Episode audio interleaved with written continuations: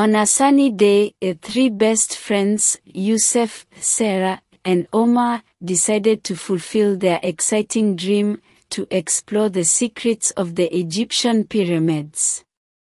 On the evening of that day, they gathered in the garden of their house, where they built a time machine out of cardboard boxes and colorful buttons.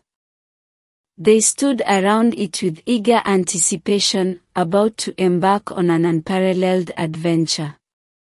As the wheel of the makeshift time machine spun, they felt a warm breeze touch their faces, then suddenly they found themselves in ancient Egypt.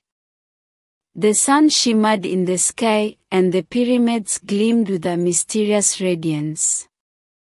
As they looked around, they noticed many people dressed in ancient garments, working diligently to build the pyramids. They decided to begin their adventure by chatting with the locals.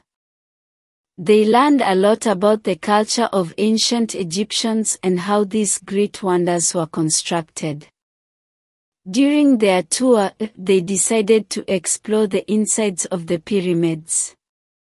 They entered one of the pyramids and discovered narrow corridors and secret passageways leading them to a mysterious location.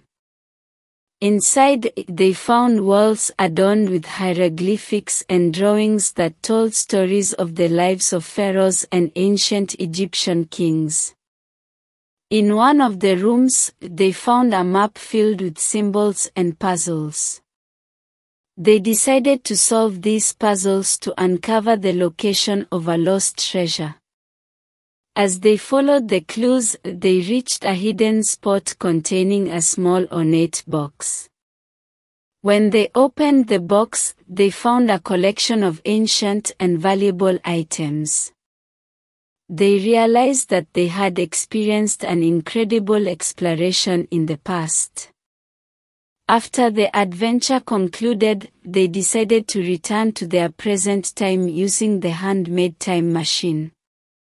When they arrived back in the garden of their house, they felt a shared excitement. They had learned a great deal from that journey and had discovered exciting secrets about ancient Egypt and its enigmatic pyramids.